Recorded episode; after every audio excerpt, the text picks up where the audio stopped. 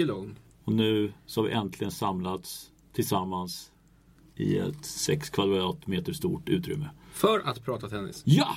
Och vi har ju rätt mycket att ta igen Henrik. Verkligen. Vi avslutade ju innan Paris. Ja, vi var väl, det hade inte det börjat lite grann där? Ja, vi var väl precis i, i uppstartsfasen där va. Mm.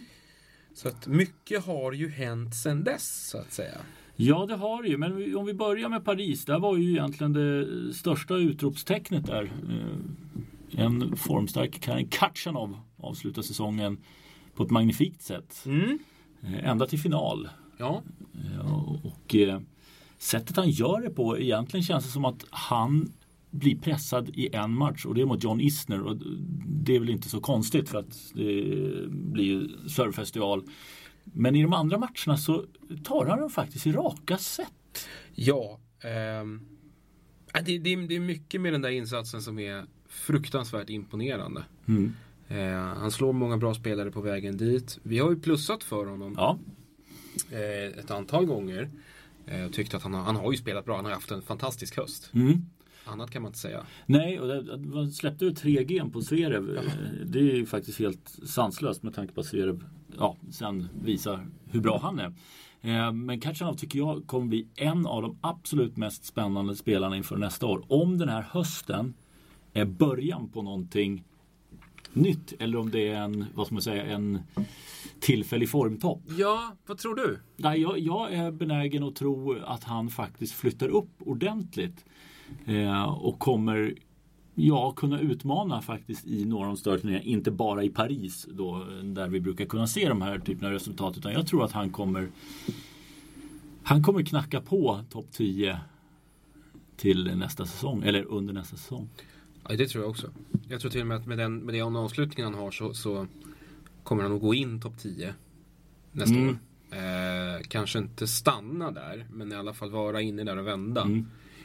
Eh, sen tycker jag det är od- odiskutabelt att han har en, en alldeles enastående formtopp. Mm. Alltså att han, han, han är liksom totalt i zonen, lyckas med allting.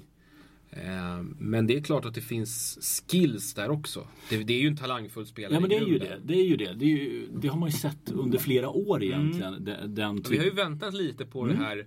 Det är först i år som det har kommit. Han var ju framme för ett par år sedan och då tyckte vi att men det, här, det här kan bli riktigt bra. Mm. Och sen så gick det väl lite, lite tyngre i fjol. Ja, men eller, eller vad andra som stal rubrikerna Mm. kanske man också ska säga. Så att det, det är inte bara, men det hände inte tillräckligt mycket för att vi skulle hänga på uppmärksamheten då. Mm. Men nu går det inte att ignorera det utan eh, nej, Karen, det här, eh, det här kan bli bra. Det här kan bli riktigt bra. Jag tycker att han är lite eh, bristfällig tekniskt i en del avseenden. Mm. Han spelar ju bedrä bedrövligt fult. det, det kan man ju inte säga annat om. Men, men det är ju liksom, det ska han ju inte lastas för. Det är, ju- det är ju så han spelar. Men, Ja. men han är lite kantig i en del avseenden. Ja. Eh, men han får bra fart på den där stora kroppen. ja, men det är det. Jag ser ju honom, hans kropp är ju, tror jag, väldigt bra byggd. Han är inte Ja. en liten Rublev. Nej, Eller liten och liten, men Katjanov känns mer rätt eh, i kroppen. Det, det gör han. han. Han är ju inte så stor så att han blir liksom en, en enbart en, en servkanon. Nej. Utan han är ju närmare liksom en sån som, mm, säg Berdych kanske. Eh, och det är ju ett gott betyg när det gäller en sån spelare. Jag tycker inte att, alltså det väcktes ju väldigt mycket frågor direkt. Är det här, liksom, finns det Grand Slam potential här? Det är lite lugn, lugn nu i ty- stormen. ja, här. precis. Jag känner lite likadant. Att nu sitter vi i båten lite. Ja, Ehm, för att det är också en, så, en fråga som är så eh, otroligt mycket beroende av vad som händer med ja, Novak Djokovic egentligen och Rafael Nadal. Ja, men det gör ju faktiskt det. För det är bara, vi kan ju titta på Zverev som har haft förtvivlat svårt i, i slams. Eh, så att, och Katjanov har förvisso gjort en hel del bra matcher i slams. Men det är fortfarande det att du ska göra det över sju matcher och det är bäst av fem set.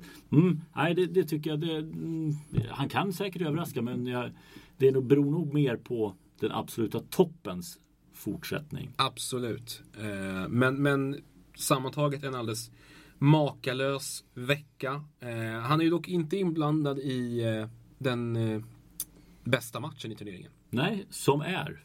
Federer mot Djokovic. Ja, det var en riktig semifinalen.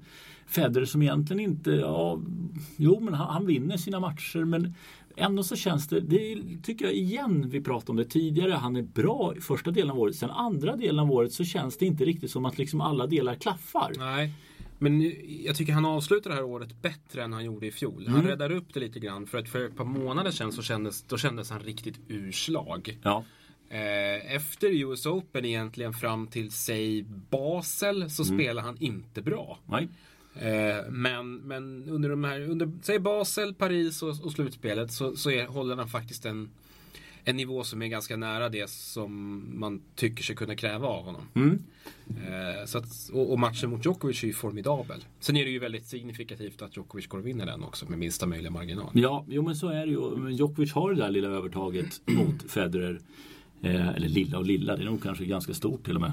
Eh, just när det kommer till de här tajta lägena. Eh, men nej, jag håller med om att jag såg alldeles för lite av den matchen. Jag har bara sett highlights från den. Men just av att döma hur snacket gick runt det så var det ju en riktigt stor underhållning och bra tennis. Mellan två av de största på touren. Ja, och det är, vill bara passa på att njuta. För det, det är nog inte så många gånger kvar så vi kan få se de här två eh, spela bra tennis samtidigt. Exakt. Eh, och det vi har varit så otroligt bortskämda med så många sjukt bra matcher mellan Djokovic och Federer. Eh, det, här, det här är en av de bästa, kanske den bästa tresetaren dem emellan. Det eh, säger rätt mycket Ja, faktiskt. jag, jag, tycker det var en enastående match. Ehm, så att, så att det, det var lite, lite vemodigt på sätt och vis också. Att man, att man tänkte att fan, det, är- det är inte så många sådana här kvar ändå. Nej.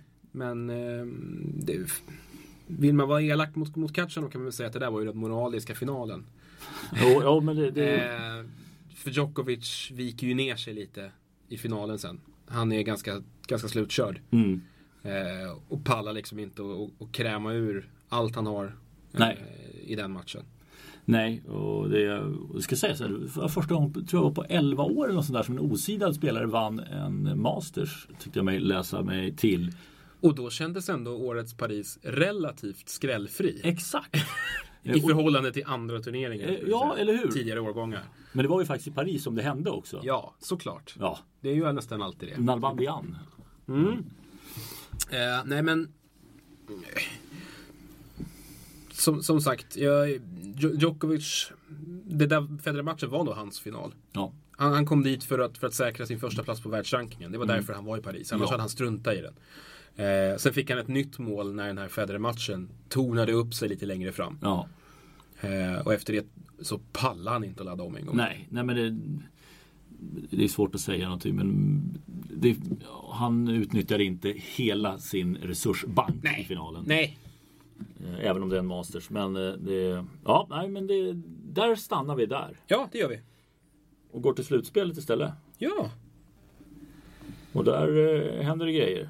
Ja, det var ju, det var ju roligare upplaga än i fjol. Ja, säga. Förra året var otroligt beige. Ja, det var... eh, Vi kommer ihåg, vi hade Jack Sock, det är Dimitrov som vann, Goffin i finalen. Eh, ingen av de tre fanns med av olika anledningar. Eh, så eh, var de inte med här i år. Eh, Istället då i eh, Kirten, grupp Goga Kirten, Djokovic, Zverev, Silic, Isner. Alltså Isner skulle bli en slagpåse. Det var vi väl ganska säkra på redan innan. Ja. Eh, att Silic och Zverev skulle göra upp om andra platsen tycker jag också lät fullt rimligt. Eh, Zverev drog det längsta strået. Att Djokovic skulle vinna, inga konstigheter. Släppte 5 game på, på Zverev i andra rundan där. Eh, det är det nog mer att säga egentligen om det. Mer än att ja, men Djokovic var bäst. Och så var det just mellan Zverev och, och Silic som, som det stod. Ja men li, lite så faktiskt. Eh, Silic har ju, varit, har ju haft en dålig höst. Mm. Eh, jag tycker att han ändå räddar ansiktet lite grann i, Mm. i den här eh, turneringen. Han tar ju sin första seger va? Är det så illa? Ja, jag tror han hade fyra raka förluster i eh, ATP-slutspelet innan här. Och tackar för att John Isner var med. ja, han, han, eh, han får till den i alla fall. Eh, alltid något. Nej, men det var, det var väl ganska väntat. Eh, och det är ju också, var ju också otroligt väntat att Federer skulle avancera ifrån nästa grupp. Men han var illa ute. Det var han. Eh, jag har än i denna dag svårt att begripa riktigt vad som hände med Kei Nishikori efter den där första matchen. Ja, för den andra mot eh, Kevin Anderson, det, alltså, det gick ju så fort så att det hade ju varit... Jag hade kunnat stå på andra sidan nät mot Kevin Anderson. Eh, jag, vet, jag vet att jag har tjatat och tjatat och tjatat om Kei Nishikoris of, oförmåga att ladda om efter en bra match. Ja. Det känns som att jag fick lite vatten på min kvarn här Ja, nu. Alltså, efter den insatsen mot Federer, han var Ja. fullständigt fläckfri. Han, Ja. var, han var så bra som han någonsin kan vara. Ja. Med det här med... med För där var inte Federer så liksom i ofas Nej, med nej. allting heller. Nej, nej, men Nishikori var fullständigt... Han var klinisk. Och det här extremt höga bolltempot. De här galet snabba fötterna. Och, och, och att, att kunna hålla det här sjuka tempot hela tiden. Och möta Federers tempo. Utnyttja hans eh, bolltyngd. Eh, till sin egen fördel. Han var liksom, liksom textbook. Det var, det var så bra som det någonsin kan bli från Nishikori.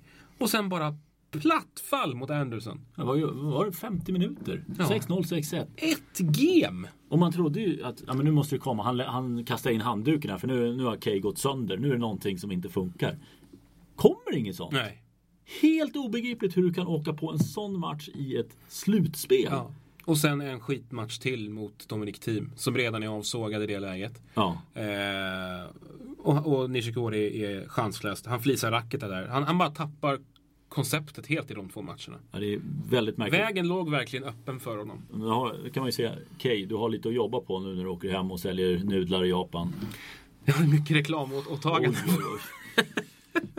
Han ser rätt besvärad ut på många av dem. Ja, det där uff. Han Ja. känns inte super, eh, liksom, han är inte som Federer i de där lägena. Nej, han inte riktigt, eh, nej. bara slår på sitt andra gameface. Nej.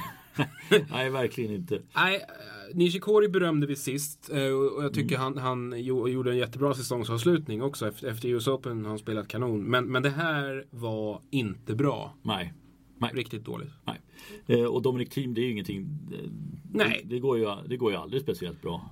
Nej men han är sämst i den gruppen eh, Ja. på det här underlaget. Och han är sämst, i sämst form. Ja, Oftast. ja. Han, är, och han är ändå bättre än han var i fjol vid det här, i, Ja. i samma läge. Ja. Så att, visst. Mm. Och Kevin Anderson vidare, ja han har kämpat och krigat sig dit han, dit han ska. Eh, ja, eh, Kevin går Väl till, värt. ja, tar sig till en semifinal men eh, där blir han ju ganska tillplattad av Djokovic. Det är ju ordentlig klasskillnad där. Det måste vara väldigt jobbigt. Och när man är så bra som Anderson har gjort. Han bara jobbar sin, sitt spel, bara kämpar på. Krigar, utvecklar, förfinar. Och så kommer de möta Novak Djokovic och liksom han, bara- man bara stå, ser hur han står med en hammare i huvudet på Anderson som bara blir mindre och mindre och mindre. Han har ju inget att hämta. Nej, men jag, jag inbillar mig någonstans ändå att, att Anderson har en ganska pragmatisk syn på sin tennis. Att han, han är ändå, han känns ganska tacksam för vad han har.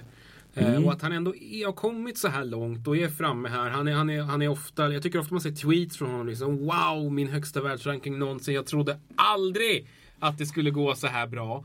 Eh, och jag är så tacksam för allting hela tiden. Ehm, att, han, att han liksom någonstans är, inte att han skiter i det, men att han är lite mer tillfreds med att okej, det räcker inte så här långt än vad andra spelare av hans kaliber Alltså säg som till exempel hur en sån som Andy Roddick blev totalt tilltryckt på sin tid eh, av spelare som Djokovic, Federer och Nadal. Eh, I det att ja, men han, han, var, han kom ju från andra hållet så att säga. Han var ju bäst och etta innan de tre slog igenom och sen bara dök det upp ett gäng som var så mycket bättre.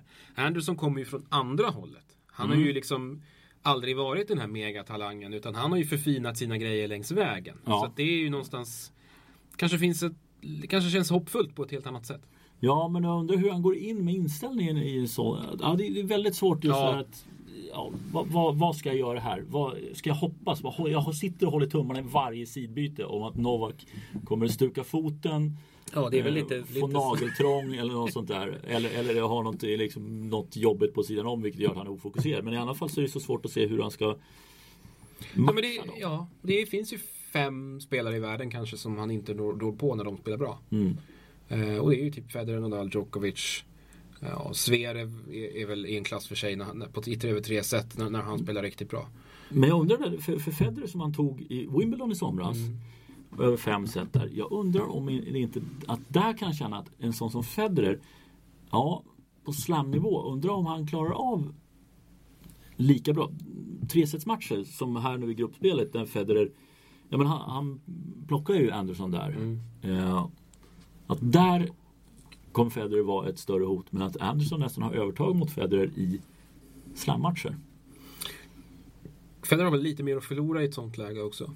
Mm. Eh, vilket antar jag gör Anderson lite mer avslappnad.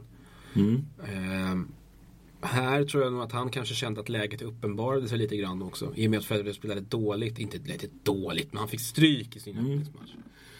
Eh, att det kan ha lite med det att göra, jag vet inte. Mm. Ja, ja vi, vi, det får vi se. Ja. ja. Semifinal. Mm. Och vi sa Djokovic plockar ner Anderson och Zverev. Mm. Så blir han sådär masters bra igen. Smyger lite genom Ja. gruppspelet, får stryk av Djokovic där. Ja. Ehm, gör en, eh, två bra matcher i övrigt.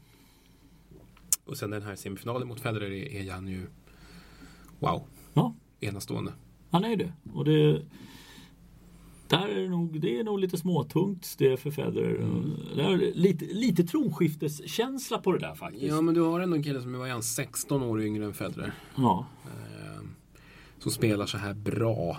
Och, mm, Ja men det är lite för förra året känns inte alls på samma sätt som det här. nej. Ja, men precis. För förra året Då var det Goffin? Ja, precis. Då kände man ändå att, liksom att okej, han spelar bara dåligt. Här är man nästan, känner jag i alla fall, jag vet inte hur, hur du Jo, men tänker, men, men man känner lite så här. Nu, det är inte långt kvar för Roger. Det Nej. är liksom, slutet är nära. Det här ryktet om att han och Nadal gemensamt ska ta varandra i hand och, och vandra in i evigheten eh, tennismässigt 2020. Det liksom ligger, ligger i bakhuvudet hos mig i alla fall. Ja, där, du, du, men du har ju målat upp massa scenarier. Du, har ju nästan suttit hemma och, och liksom photoshopat ihop bilder som du ska lägga ut på sociala medier 2020. Eh, nej, nej det, det, jag tror inte på det. det är, Nadal är alldeles för mycket tävlingsmänniska och egoist. Tror jag. Jag fattar tanken, den är inte alls eh, så men nej. Det, om vi säger, ponerar att det är sant. Ja. Vem kom på det? Vem ställde men det- frågan? eh, kan det ha varit Tony som faxade någonting? Nej. Nej, jag, Tror, jag tror att det är Rogers idé i så fall. Ja, det, det, det känns ju mer som en Roger-idé faktiskt. Men det kändes lite mindre sannolikt också nu när de saknar gemensam sponsor i, i, i klädsponsorn. För det hade kunnat bli en PR-mässig Ja, eh, genidrag. Vi får se. vi får se. Nej, men äh, åter till den här semifinalen. Den blir ju speciell också med, med tanke på inramningen eh, och det som händer där i mitten på matchen när eh, en bollkalle tappar en boll. och Sverige stoppar spelet. Mm. Till publikens stora förtret. Federer hade ingenting att säga om det utan, utan han, han accepterade det rakt upp och ner. Men han var framme och diskuterade med Ja, domaren. men han sa efteråt att han ville mest bara höra sig för. För han hade ju inte sett det. Det skedde ju bakom Ja, det skedde, man, man fick ju se. Det var ju inte i huvudkameran som man såg Nej. det utan det var, kom ju... Så att han, hans, hans förklaring var att jag ville, jag ville bara höra mig för så att allting hade gått rätt till. Jag ville bara försäkra mig om, om, om att, att saker och ting var som det skulle och det var det. Mm. Ja, men det, det, var, det var den stor, stora utropstecknet, eller frågetecknet kanske under matchen. Ja, sen tycker jag att Zverev eh, Han uppträdde... ursäkt. Ja, han, han, han uppträdde oerhört värdigt efteråt. Nästan bad om ursäkt i överkant. Han behöver inte be om ursäkt för, för det. Han bad publiken om ursäkt, han bad Federer om ursäkt.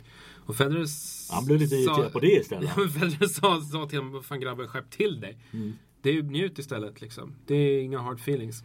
Det är lugnt. Nej, du vann. Ja. Fine.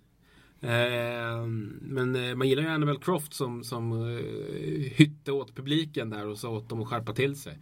Ja, men hon, kan, hon kunde ryta i på, på den tiden. Hon var ju tidigare medarbetare på Eurosport bland annat. Saknar henne i Gameset och Mats alltså. Ja, Det gör man. ja det gör man. Det, Det det, är en väldigt kompetent person. ja, jag tror hon jagade dollarbuntar istället. Hon, är, hon jobbar där nere i... Mycket konferencier-gig i. Qatar och Ja, sånt va? precis. Mm. Eh, Men, eh, men duktig är hon i alla fall. Ja, och bra gjort att göra duktig. det. Ja, ja, ja verkligen. Och det verkligen. krävs, det krävs, Krävs lite pondus. Ja, Mm. faktiskt. Och det, respekt, Ja. Annabelle. Ja. Nej, men alltså, en, en sjukt bra match av Zverev och han tar ju bara det där spelet vidare sen till finalen. Ja, för, för där Paris, okej, det tror jag Djokovic kan. Ja, ja. som, du, som vi var inne på. Det var en annan anledning han var där för. Mm. Men det här. Att förlora årets sista match. Ja, det sved nog tror jag. Ja, det var ju som nästan som man undrar om, om det liksom stod rätt till i huvudet man såg när han la ut någon bild här på sociala medier om det var igår eller något sånt här, när han står Samurai direkt. Ja, eh, att det slog slint. Jag börjar jobba med gurun igen. Oj, oj, ja. Eh, nej, nej, men det, det, jag blev faktiskt förvånad över att Sverv kunde Enkelt är det inte siffrorna ett, två raka set. Men ändå att han kunde. Han fick ju ett break tidigt i andra också. Eh, Ja, det var intressant i det att han har ju inte riktigt mött Djokovic väl i den form han är nu. Eh, så det var ju intressant. men, Alltså han mötte ju honom i gruppspelet och fick spö. Men han har ju inte slagit honom i... Han har ju inte slagit den nygamle Djokovic. nej. Eh, det har han ju inte gjort. Så att han, och, och det, det som är intressant är ju att de spelar ju så förbannat likt varandra. Mm. Eh, och om vi spekulerar i om det är knäckande för Federer att möta en sån spelare. Undrar hur Djokovic reagerar när han liksom blir beslagen eh, med sitt eget spel lite grann. Nästan. Jag, jag, Inte, det- nej. ja, Okej, Sverige spelar med lite mer tyngd kanske. Ja, och, ha, och, har lite en, rakare. och en tyngre, tyngre serve tycker jag att han har också.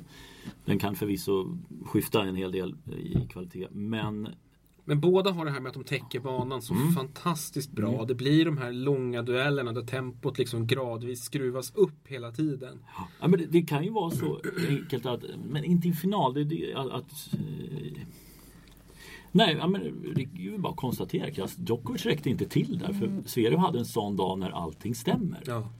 Och, eller hade två sådana dagar egentligen med semifinal och final. Ja, då är han så jävla bra. Och när det stämmer för honom då är han ju nästan världens bästa tresetspelare. Mm, precis.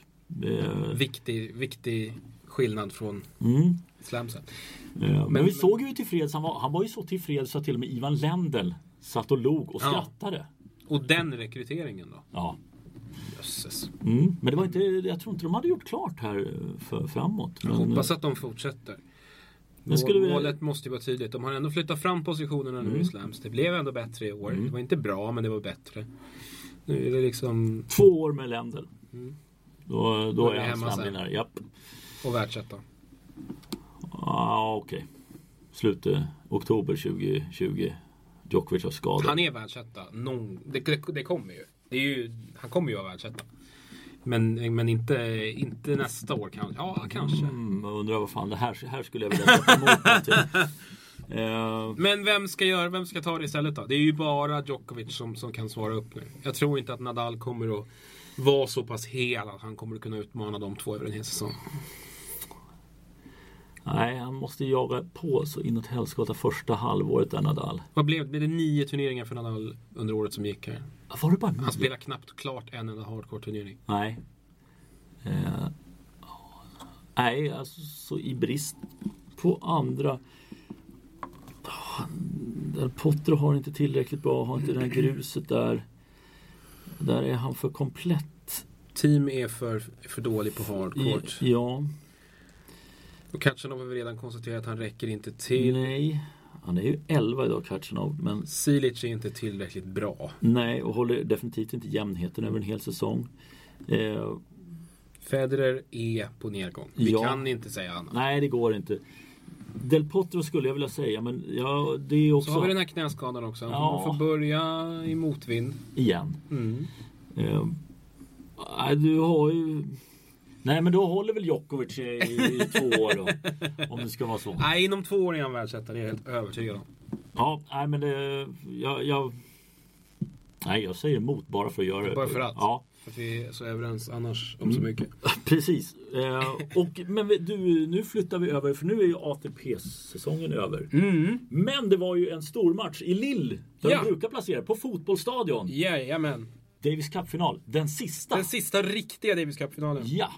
Eh, för där blev det som så att Kroatien tryckte till Frankrike ganska klart. Ja. Skulle jag vilja säga. Eh, de blev inte brutna i någon av sina tre singelmatcher. Eh, och det var ju alltså Borna Coric som slog Chardy i första. Sen följde Silic upp, slog Songa. Eh, dubbelparet Herbert Mahy gjorde vad de skulle. Tog dubbeln och sen så skickade Frankrike och Noir in Puy. Mm. Men inte heller det gick. Det var dumt. Ja, det, var, det var dumt. Nej men Frankrike hade väl en väldig massa skador eh, Ja, det- inför. Det var ju mycket folk som inte var riktigt hela. Eh, det var lite oklart kring Songa egentligen va? Ja, ja men det, Oklart kring Monfils. Eller han Ja, var trasig. ja, han var Simon trasig. var inte hel. Gasquet vet jag inte om han- Gasquet vet jag inte ens om han, han var inte uttagen. Nej. ens. Och jag trodde ju att Beneteau var en spelare som skulle vara med. Att han spelade lite grann efter han hade slutat. För han spelade faktiskt någon Challenger efter också. Ja, jag att vet- det var att tron han- av att han skulle uh, Jag får mig med. till och med han har sagt det själv. Att han höll igång för att vara tillgänglig för finalen. Ja, så kanske det var. Men ingen garanti på det för han var inte med i truppen. Men nu har ju Herbert och Mahy spelat så bra. Ja, ja, ja. Så att det gick ju inte att splitta på dem. Nej, nej. Och, och det var ju helt rätt. Men eh, häftigt. Kroatien avslutar den här D-serien. Eller landets andra. Och det var ett riktigt fint lag såg jag när det låg en bild på när de vann förra gången. En spelare är fortfarande aktiv av dem. Ja, vi kommer till det. Du kommer nog Ja, fatta. ja. Jubicic, Ancic, Ivanisevic och ja, han var inte purung då heller. Ivo Karlovic. Ivo Karlovic såklart. De Ja. fyra. Det var ett fint eh, kroatiskt lag årgång tidigt 2000-tal. Men det är ett ganska fint kroatiskt lag nu också. Det är det verkligen. Silic, vi har Coric på väg uppåt. Mm. Du har ett dubbelpar, du har Dodig i dubbel och eh, det är Pavic. Mm.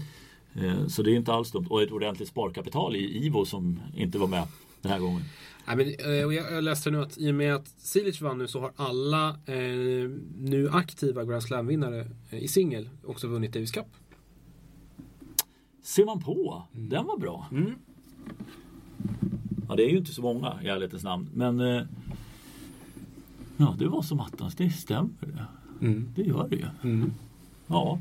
ja, det är fantastiskt. Mm. Men du, eh, nu är det slut. Ja, Och så ska det bli det här eh, slutspelet, Piqué-slutspelet. ja, Eh, vi är väl inte odelat positiva till det. verkligen inte. Och nu var Alex, vår vän på Tennisportalen, eh, drog igång en jävla grej som snurrar runt i hela jorden i stort sett där med Fidde Rosengren som eh, eh, berättade att hans adept hade fått mail från Djokovic och att som var väldigt skeptisk mot det här nya. Eh, och det om det stämmer så är det ju då har de en rejäl uppförsbacke med den där turneringen. Ja. Om Djokovic går ut och uppmanar andra spelare att bojkotta turneringen. Mm. Då har vi massiva problem. För det tror jag Jag tror en sån som det, då, I och för sig är det bra att en sån som Djokovic gör det för då behöver inte Federer ta den. Nej. Eh, Jag tror att han är jävligt glad för jag tror inte han heller en sån spelar. Nadal tror jag inte alls spelar en sån Nej. eh, turnering efter säsong. Eh, Helt obegripligt. Och jag tror att de kommer få det oerhört tufft. Det de har slängt in nu som jag vet som var på damsidan. Där var man ju tvungen att spela Fed Cup för att få, vara, få spela i OS Mm. och representera sitt land där. Det har jag bara sett skymta förbi men jag har inte riktigt fått säkerställt att det är så att du måste spela två Davis Cup-matcher för att vara kvalificerad för att få spela OS. Sen måste du bli uttagen också givetvis. Men det är ju inte bra om det börjar sippra ut såna här grejer ett år innan. Ja, vi är ju inte ens igång än. Nej. Men nej, jag är Jag är tyvärr skeptisk mot det. Jag vet inte om jag var positiv förra gången. Nej, det var inte jätte. Nej. Eh, Nej, men det, jag var väl marginellt mer positiv. Men Ja. jag har inte blivit mer positiv sen dess. Nej, och det känns, men, men lite tror jag hör ihop med att hela, i och med att man ändrar om till här Transition Tour till nästa år, som man inte heller har fått speciellt mycket information om. Ehm, Jag vet fortfarande inte riktigt vad som händer där. nej, jag hur vill se hur, hur kommer entry-rankingen se ut här nu? Alltså, försvinner alla poäng direkt från första januari för de här spelarna längre ner? Eller försvinner de successivt under året? De poäng de spelar in Allt verkar väldigt oklart. Eh, Det Ja. blir spännande i början på nästa säsong. Vi, ingen av oss har någon riktig aning om, om hur det här kommer att, att, att eh, arta sig. Nej, eh, får se hur många svenskar det finns kvar där ute. Mm. Eh, hur många som orkar och vilka som då spelar på den här transition, vilka som klarar av att komma in på, på den riktiga ATP-touren helt enkelt. Mm. Eh, vad vi vet är väl, eh, tog vi upp det, att Båstad förlorar sin nu. Det har vi nog inte pratat om. Nej. Nej. Eh, damturneringen återvänder. Ja. Men i en eh, lite marginaliserad form. ja, precis. Deras motsvarighet till Challenger kan man säga. Ja. Eh, 125 000 dollars turnering. Jag tror att det finns en begränsning där i vilken typ av spelare. Jag tror att du får köpa in en typ topp 50 spelare men längre upp får det inte vara, tror jag. Eh, och då försvinner Båstad Challenge, vilket var lite så här en bisats. Att då försvinner Båstad Challenge. Jag tror utan att veta någonting att det finns andra som vill Mm. ta över, kanske inte vid samma placering på året. Men att det kanske kommer en svensk Challenger även 2019. Vi kan ju hoppas för att det känns ju som en turnering som faktiskt behövs. Ja men det gör ju det. Ja. Eh, och det så att vi får väl hålla tummarna här. Ja, verk, verkligen. Eh, verkligen. Eh, och vi har ju ändå en, en handfull spelare som mår bra av den typen av matchning. Eh, ATP-nivå är ju alldeles för högt för alla spelare i Sverige utom två. Mm. Eh, men Challenger-matcher har vi ju faktiskt haft ett gäng som har vunnit Mm. några stycken Mm. eh, sista åren. Så att låt oss hoppas att det dyker upp en svensk Challenger även nästa år. Mm. Och svensk i Challenger. Mm. Det kan vi också ta här. Absolut. Elias Ymer avslutar säsongen, leder racet till London 2019. 80 friska pinnar. Japp. Eh, han har faktiskt han har ju 180. Ja, ja. Han var i final där även för två, två veckor tidigare. Mm. Eh, så tittar man på racet London. 180 pinnar. Leder före Prainers Gunneswaran. Eh, tveksamt om de två kommer nå slutspelet. Eh, rätt roliga namn. Rilo Pelka 3, Clan 4, Bublik 5, Peja 6, Andujar 7 och Tatsuma Ito 8. Fattar du den åttan? Den är, ja, den, den, är, den är fin. Den är fin. Eh, kanske inte i... Eh, eh, drar allt för mycket i eh, London. Men eh, roligt i alla fall. Det är jättebra. Och den, de där 180 poängen tror jag kommer vara väldigt värdefulla här under början. För då har han poäng som håller hela säsongen. Ja, det är nog väldigt skönt. Eh, och framförallt hur han, hur han räddar upp det här året lite grann. Nu. Verkligen. Eh, för att för några månader sedan så kändes det ju som att Shit, om han inte får fason på de här grejerna nu så, så åker han ur topp 150. Mm. Eh, fallet hade kunnat bli ännu brantare. Men nu är han ju faktiskt på en bättre plats än han var vid samma tidpunkt förra året. Ja. Eh, Och ett, ett fall framåt är ju alltid ett fall framåt, även om det nu må vara litet. Mm. Ja, men blir- han går väl inte in i Australien över typ 10 placeringar från. Eh, men ändå en... Eh, ja, men det, det måste vara jäkligt skönt, ett bra kvitto och gör det lite lättare att göra jobbet inför 2019. Ja, definitivt. Ja. Eh, hörde du, har vi något mer? Jag tror vi är redo att stänga där faktiskt. Vi lägger av. Fast vi är tillbaka. Vi är tillbaka. Eh, vi har lite, lite roliga grejer inplanerade Ja. här, eh, under årets sista veckor. Eh, någon liten lista kanske, någon liten gäst möjligtvis. Möjligtvis. Och sen har vi ju facit Jajamän. som vi måste reda ut också. Så att det finns mycket att se fram emot eh, när det kommer till den här podden. Just det, ett samtal om tennis avslutar ATP-säsongen här.